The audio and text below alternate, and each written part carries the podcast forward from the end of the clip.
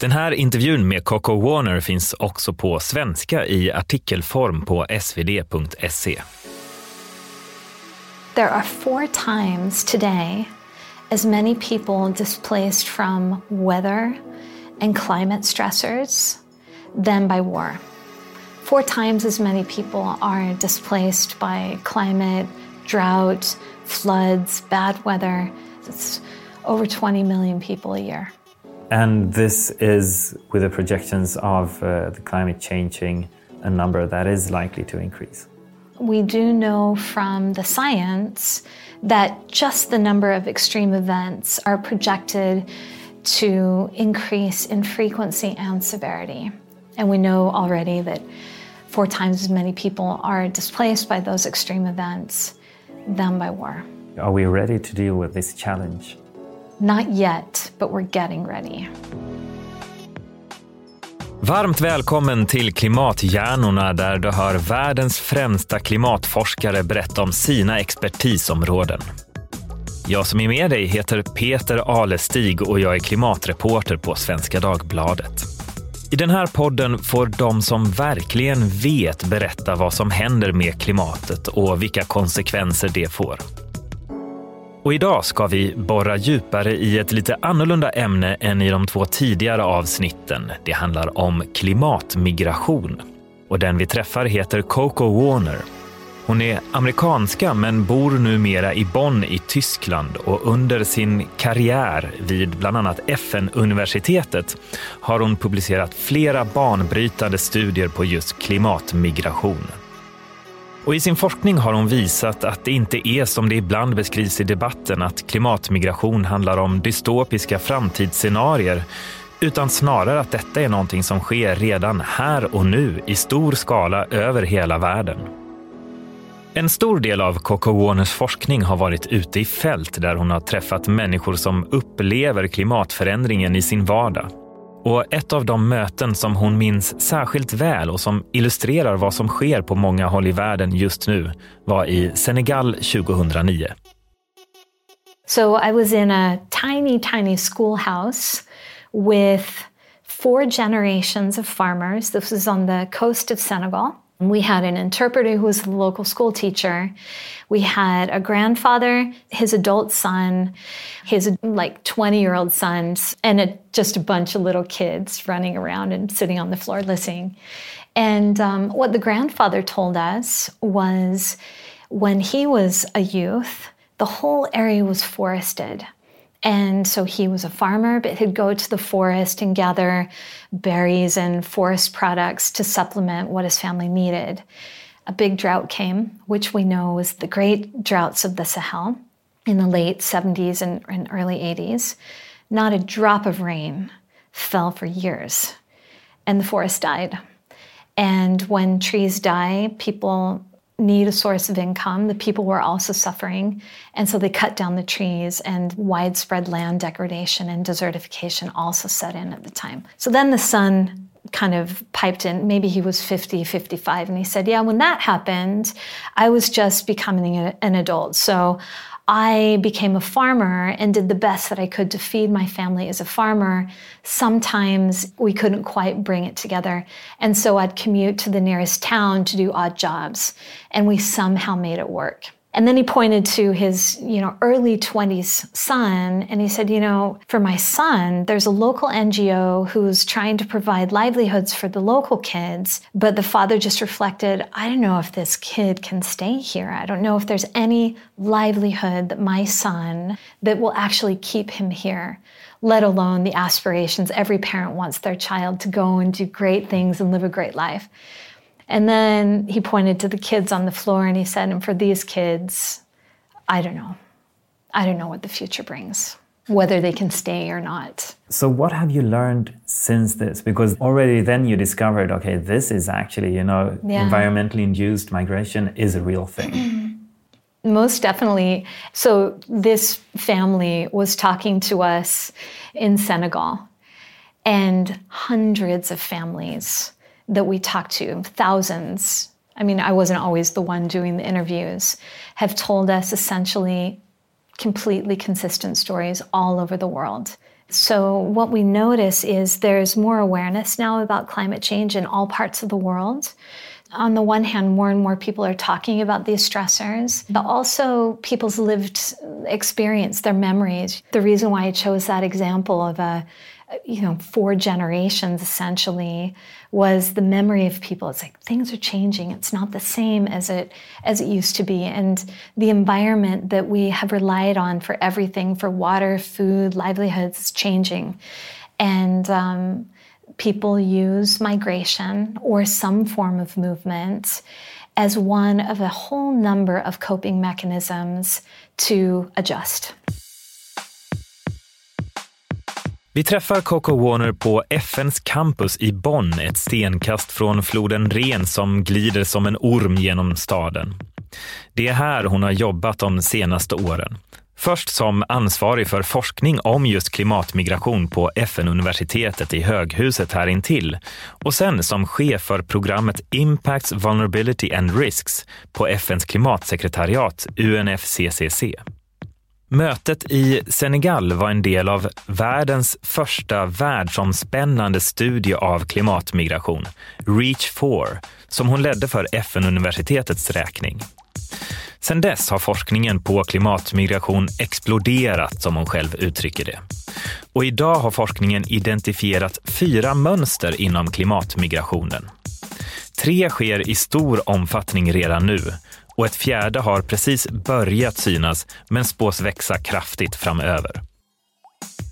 We have four patterns of people on the move related to climate stressors, and I'll, I'll outline those. What we see today is that people, and it's all over the world south, north, east, west people will experience storms, floods, droughts, usually kind of these shock situations that threaten people's lives.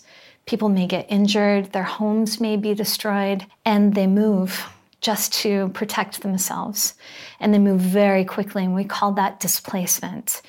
When the situation has stabilized and it's safe to go back, most people try and return. A second pattern that we see today is people whose livelihoods are very sensitive to the climate farmers, uh, fisher folk, as two examples, maybe ranchers will have trouble with the weather. The rain will come too early or too late, way too much at once, or the rain doesn't come at all.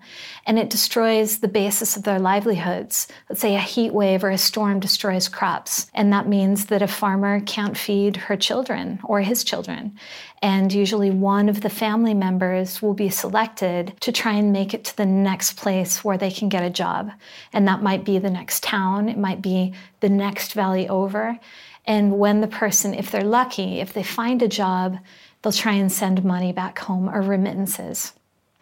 A third pattern that we see is climate stressors getting mixed in with really complex situations where there's conflict. Um, in some parts of the world, you have very fragile states that are war torn. You'll have a drought that makes the situation even worse. And because of the presence of war and persecution, some people are able to move as refugees because they're protected by the Convention on Refugees, like the Geneva Convention, and they're able to move and try and seek asylum in a safe place. For those people, return is only possible once it's safe. And there's a fourth pattern that we're only barely starting to see, but we anticipate to be a much larger phenomena in the future, and that is what happens when a place, when you just can't live there anymore? Maybe there's no water, or maybe the coasts are eroding away, or perhaps there's sea level rise. The habitability of a place becomes threatened. And that's something with climate change that really raises concern because we hear reports about massive desertification or land being degraded, sea level rise, or water not being as available. There are already big cities today that are sometimes not having water. We've heard of Cape Town a couple of years ago, three days away from no water. Fortunately, it rained. But this question of habitability and where do people go and what if they can't go back, that really keeps us up at night, and we don't have the answers yet. And all of these four are actually happening now. Yes, and all over the world. North, south, take your pick. You'll see really amazing case studies in the literature from coastal Alaska, indigenous peoples whose traditional livelihoods are on the coast, hunting and fishing, facing permafrost melt, and trying to organize themselves to move to another place. Um, you have small island development states in the Pacific, some areas in sub-Saharan Africa, some areas in, you know, the permafrost areas of Siberia. It's all over the world. When we talk about migration, at least in Europe, uh, you know, a lot of people think about the boats coming over uh, mm. the Mediterranean and so on, and people migrating up here to Europe. Is this in some way connected to climate as well? You know, what we're finding from the research is that almost always, if you ask people where they want to be, they want to be at home because home is where their family is, their livelihoods, their culture, everything they care about. And there are many, many factors that affect the difficult decision, often, of going to a different place. Sometimes people move away to pursue a dream. And you would hope that all young people in the world get a chance to maybe move away to college or move away to build their talents and their jobs. What we're talking about with climate change often falls into the more difficult category of managing risk. Do I stay and deal with a variety of things, maybe questions about how do I feed my family? Do we have water? Do we have food? Where's our next, you know, where's my paycheck coming from or my livelihood? Kind of weighed against the risk of moving to something uncertain and unknown. And those are the kinds of dilemmas that families all over the world are already facing with movement as we know it, and even more so with that additional stress of climate change. Under förra året tvingades ungefär 24 miljoner människor fly undan olika typer av väderkatastrofer, majoriteten från stormar. Och den stora frågan är vad som händer med den siffran när klimatet på jorden blir varmare. Det finns en mängd olika bedömningar i frågan, allt från 200 miljoner till år 2050 till en miljard samma år. Och det här beror förstås mycket på hur människor reagerar när jorden blir varmare och stora delar av planeten kanske inte ens går att bo på längre. I maj 2020 publicerades en uppseendeväckande forskningsstudie på det här området i tidskriften PNAS. Forskarna tittar då på vilket temperaturspann människor har bott i genom historien och jämförde detta med prognoser för hur jordens klimatzoner förändras. Resultatet var att under de kommande 50 åren kommer områden där en till tre miljarder människor väntas bo att bli i princip obeboeliga med snitttemperaturer på över 29 grader. Andra forskare har i sin tur varnat för höga våttemperaturer, alltså en kombination av värme och hög luftfuktighet. Och det här kan göra det livsfarligt att vara utomhus på vissa platser. Om luftfuktigheten är 90 procent och det är 35 grader varmt så klarar kroppen inte längre av att kyla ner sig själv. Ett par timmar i den typen av värme kan rent av vara dödligt. Och utöver detta har vi det som Coco Warner nämnde tidigare, alltså torka och stigande havsnivåer. Så läget kan ju låta väldigt dystert. Men Coco Warner vill samtidigt nyansera bilden och menar att det som kan verka obeboeligt inte nödvändigtvis behöver bli det. Habitability may rely on some, some very basic factors like particularly water and food, but there are a whole bunch of factors that can change what might be tolerable for one group of people might look different for another group of people. So instead of saying what's habitable and not habitable, let's go to the Intergovernmental Panel on Climate Change and their assessments. Last fall, the IPCC released a special report on oceans and cryosphere. Cryosphere is ice covered areas or permafrost. And, and there are projections of things like sea level rise and um, how a coastal area deals with sea level rise. There are a whole bunch of different ways. Some countries are talking about population retreat. Some countries are talking about keeping the water out through building seawalls and dikes. And there are probably a whole bunch of things in between. So I've even read in engineering magazines that there are really far out solutions like having floating cities or floating islands, who knows. We know that deltas, low lying areas, coastal areas, low lying small island development states, they immediately come to mind when you talk about sea level rise that's already projected. So these low lying coastal areas are heavily exposed. Other areas, since you asked about habitability, we know people need water. The way that we deal with water today, you can certainly ship water across very, like with pipelines and things. You can transport water far, far distances. We may not have been accustomed to really large quantities, enough to support a civilization. So, dry lands are definitely an area that raise questions. There's another trend that the IPCC literature assessment has identified, and that is biome shift. Here's an example. The country that I live in, even though I'm not from here, uh, Germany, a typical biome in Germany is forest. And over the past years, it's been very dry, and occasionally you've had a very, very damaging winter. And so the forests are under a lot of stress. And some foresters, like you'll hear on the morning news, you know, hundreds of thousands of trees or maybe even a million trees might die. And some of the literature is suggesting that you may see a forest biome shift perhaps permanently to a grassland biome. So, those kinds of things also are going on at a very large scale across the world. What we don't know is what that means for where people live and what people need to have a sustained civilization in that area. But those are the big things low lying coastal areas, water, particularly in dry lands, and um, biome shift. Nu kommer vi in på en av Koko Warners svåraste arbetsuppgifter i hennes nuvarande jobb på UNFCCC. Att få världens länder att komma överens om hur de ska hantera den sannolikt växande klimatmigrationen. En omdebatterad fråga är om klimathot ska vara asylskäl, precis som krig eller förföljelse. Och i början av 2020 kom ett uppmärksammat beslut på det området. En man från önationen Kiribati som hotas av stigande havsnivåer sökte 2015 asyl i Nya Zeeland med hänvisning till att hans överlevnad hotades av klimatförändringen.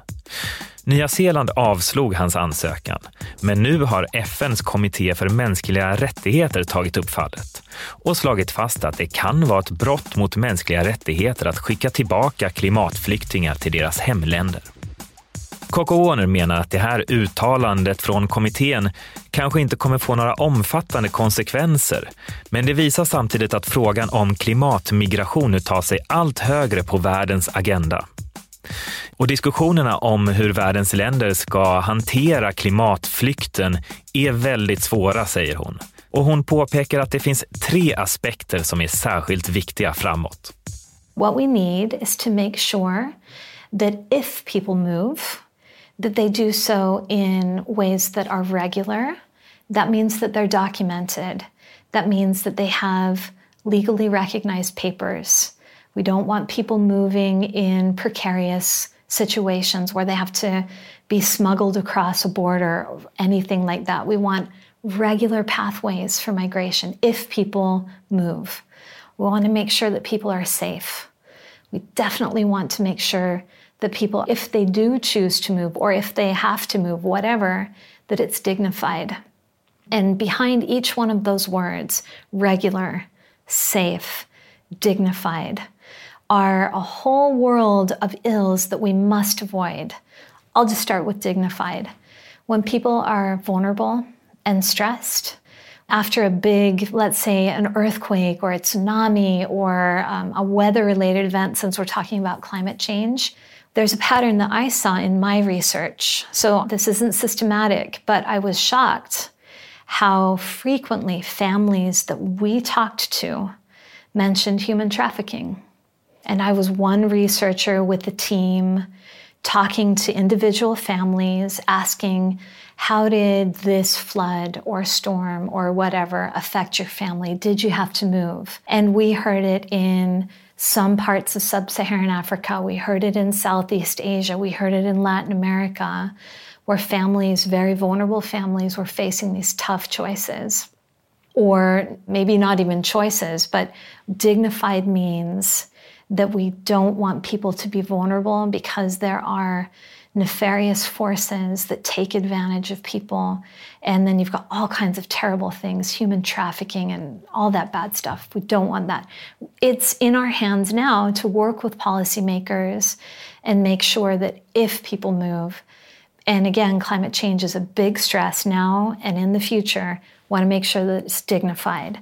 We want to make sure that people have visa arrangements and that it's regular. We want to make sure that people are safe. So, those are, I think, three big pillars that the Global Compact on Migration has put out into the world. Um, the majority of countries of the world signed up to the Global Compact on Migration, and it's really relevant when you're talking about climate change and people on the move.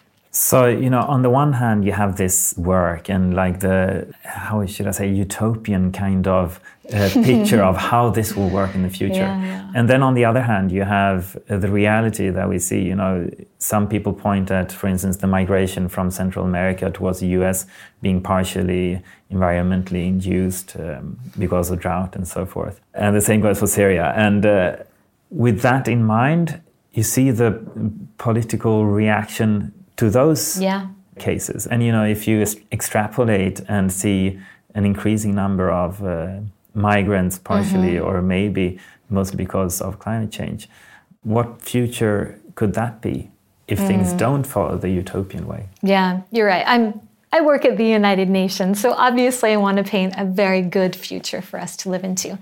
To answer your question, instead of looking forward it might be dystopic if we aren't effective. We want to have a really good future, and that means that there are many things that we have to do now. Let's look back.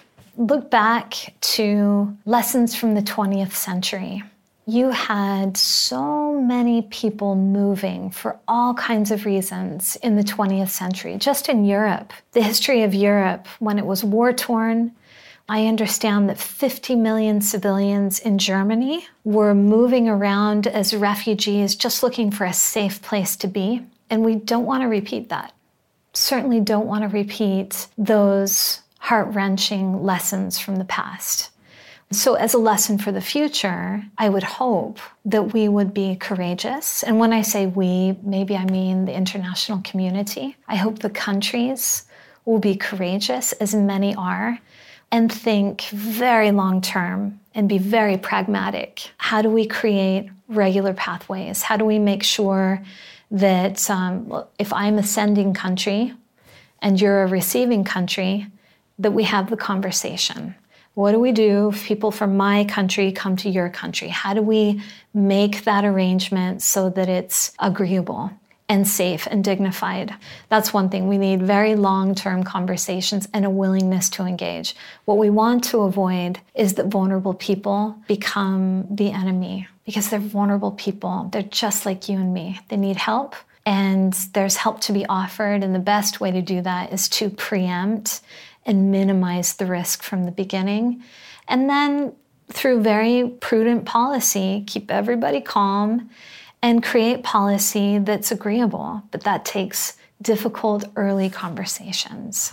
You know, it, we have these two future worlds, like one where we deal this together and a responsible yeah. way, right? Everything's and, better together. yeah, and then there's the other one where we're actually having, you know, huge migration flows mm-hmm. that maybe we are not prepared to deal with. Mm-hmm. And I know that you've talked about how these questions and the things that you see in your research also affect you as a mm-hmm. person. Could you talk a bit about that? Let me find a couple of examples. I was in Bangladesh on the kind of perimeter. It was like a um, informal settlement. Some people would call them slums. And I was out talking with people who had been displaced from flooding. And uh, we were out with the film crew, so they were filming, and I had a break. They were talking with the family, And so I was like standing over the side, and all of these little kids came and gathered around. And I didn't speak Bangla or the dialect that they were speaking. So I took out my notebook and I just started drawing pictures.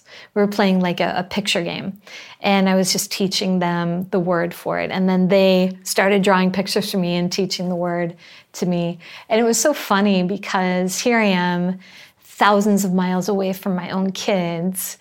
And these kids are about the same age, and we're just playing just like I would with my own kids.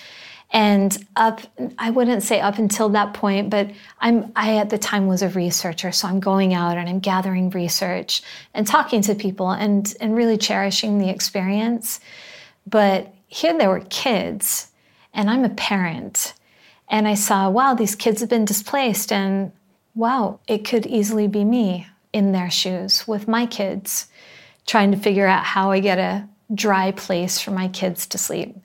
And that really affected me and it made me realize again, and I realized this again and again, that it's not an issue out there. Climate change isn't an issue that some other place of the world deals with. And migration and displacement and forced migration is not an issue out there, it's very personal. Now I work in policy. I work at the United Nations Framework Convention on Climate Change Secretariat. And it's our day job to help countries come together and basically realize the same thing. It's our collective issue. We have to work together on this issue. And it's, um, it's a great privilege. I love my job. It's very challenging, it's discouraging when we collectively can't see eye to eye also totally understandable and um, scary because time is running through our fingers. The part that I like best is what I said a couple of minutes ago. We're literally shaping the future together, and there's nothing more exciting. Um, the stakes are really high, but that's usually in stories, that's usually when you get the best results, you know. It will happen. We will create a good place. I just have to believe that. The other dystopic future just goes against everything we believe in. TV4, 21 januari 2014. FNs flyktingkommissariat uppmanar Europas länder att ta ett större ansvar för de flyktingar som kommer från Syrien. Den stora flyktingströmmen som nådde Europa 2015 kanske var en västanvind jämfört med vad som väntar. Det menar vissa bedömare. Sveriges Radio P4 5 september 2015. Den flyktingström som nu pågår sägs ju vara den största sedan andra världskriget med 60 miljoner människor på flykt. Den största delen som just nu flyr till Europa kommer från kriget Syrien. Kriget i Syrien som härjat sedan 2011 har rent av kallats ett klimatkrig. Sveriges Television 5 oktober 2020. I september gick Migrationsverket upp stabsläge Hoppar vi fram bara några veckor in i oktober så kom det ju 10 000 människor i veckan till, till Sverige.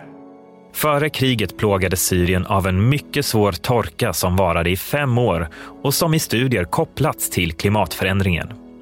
Många skördar gick om intet och massvis av bönder såg sig tvingade att flytta till städerna. Hur stark den här kopplingen mellan torkan och krigsutbrottet var är omdebatterat. Men att den bidrog råder inget tvivel om. Inne i städerna ökade desperationen och det blev omfattande protester mot matbrist och skenande matpriser. Det redan starka missnöjet mot despoten Assad växte än mer och när Assad tog till med våld mot demonstrationerna var krigsutbrottet ett faktum. What gives you hope in all this? Well, can I tell you another story? Okay. It's a personal experience with people coming to be neighbors. So, right across, I live in Bonn, Germany. That's where the UNFCCC has its, that's where we work. So, um, there is a student housing complex. Bonn has a university. And when the Syrian refugee crisis kind of washed across Europe, I guess that was at the end of 2015 the city of Bonn was faced with a situation of needing to house I don't know how many Syrian refugees. And so they took this student housing complex and in a, overnight they repainted it and they started moving in Syrian families. So I don't know if you're familiar with dorm rooms, but they're really kind of small and usually have two students living in this tiny little room. And um, instead of two students, they were having families of, you know, five, four, five, six people living in that place. And the neighbors didn't like it that they didn't have the information. It happened so fast. And, you know, banks started coming around telling us homeowners that, hey, we're going to have to re- talk about maybe refinancing your loan because maybe the property value was going to go down. It caused a big kerfuffle. A couple neighbors moved away. And uh, I felt really conflicted because this is my topic people moving. But when it affected me and my neighborhood and I don't know, my property values and all, I felt really conflicted and I also wasn't very happy about it. And then very soon after, this little kid came from next door. He came and rung the doorbell and he said, Can I jump on the trampoline? And then the next day it was like five little kids. I'm like, sure, because I've got kids and you know, they're playing kids see things totally differently. And so they're jumping on the tramp and like, ugh, I feel so conflicted. And then we got a puppy and they're playing with the puppy. So this little kid over time became friends with my boys and um, started. I had a couple of semesters of Arabic in college. So I'm talking Bishwaya, just a tiny, tiny little bit. And he's learning German and he starts telling us about his background. And his grandparents were killed on both sides of the family. He had made it to Germany with his father his mother and his brother got left behind in a refugee camp in, in a country near Syria. He just showed up a lot, and I'd give him, I don't know, a sandwich or whatever, just trying to kind of make his life a little easier and just hoping that things were going to work out okay. And then maybe about six months ago, I was walking the dog around the block one early morning, and this family is walking across the road on the sidewalk. And I looked over and I could see Zachariah and his dad because they're our neighbors. And there was a woman and a teenage boy walking. And I thought, no, it couldn't be. So I crossed the street to say hello.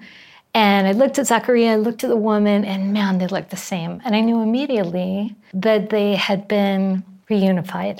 And I was so happy. And I'm like, Alhamdulillah, ahlan wa sahlan ya habibi, the tiny, tiny Arabic that I know. And I gave her a big hug, and she was for sure culturally overwhelmed. And I told Zachariah, Your mom made it. I'm so happy.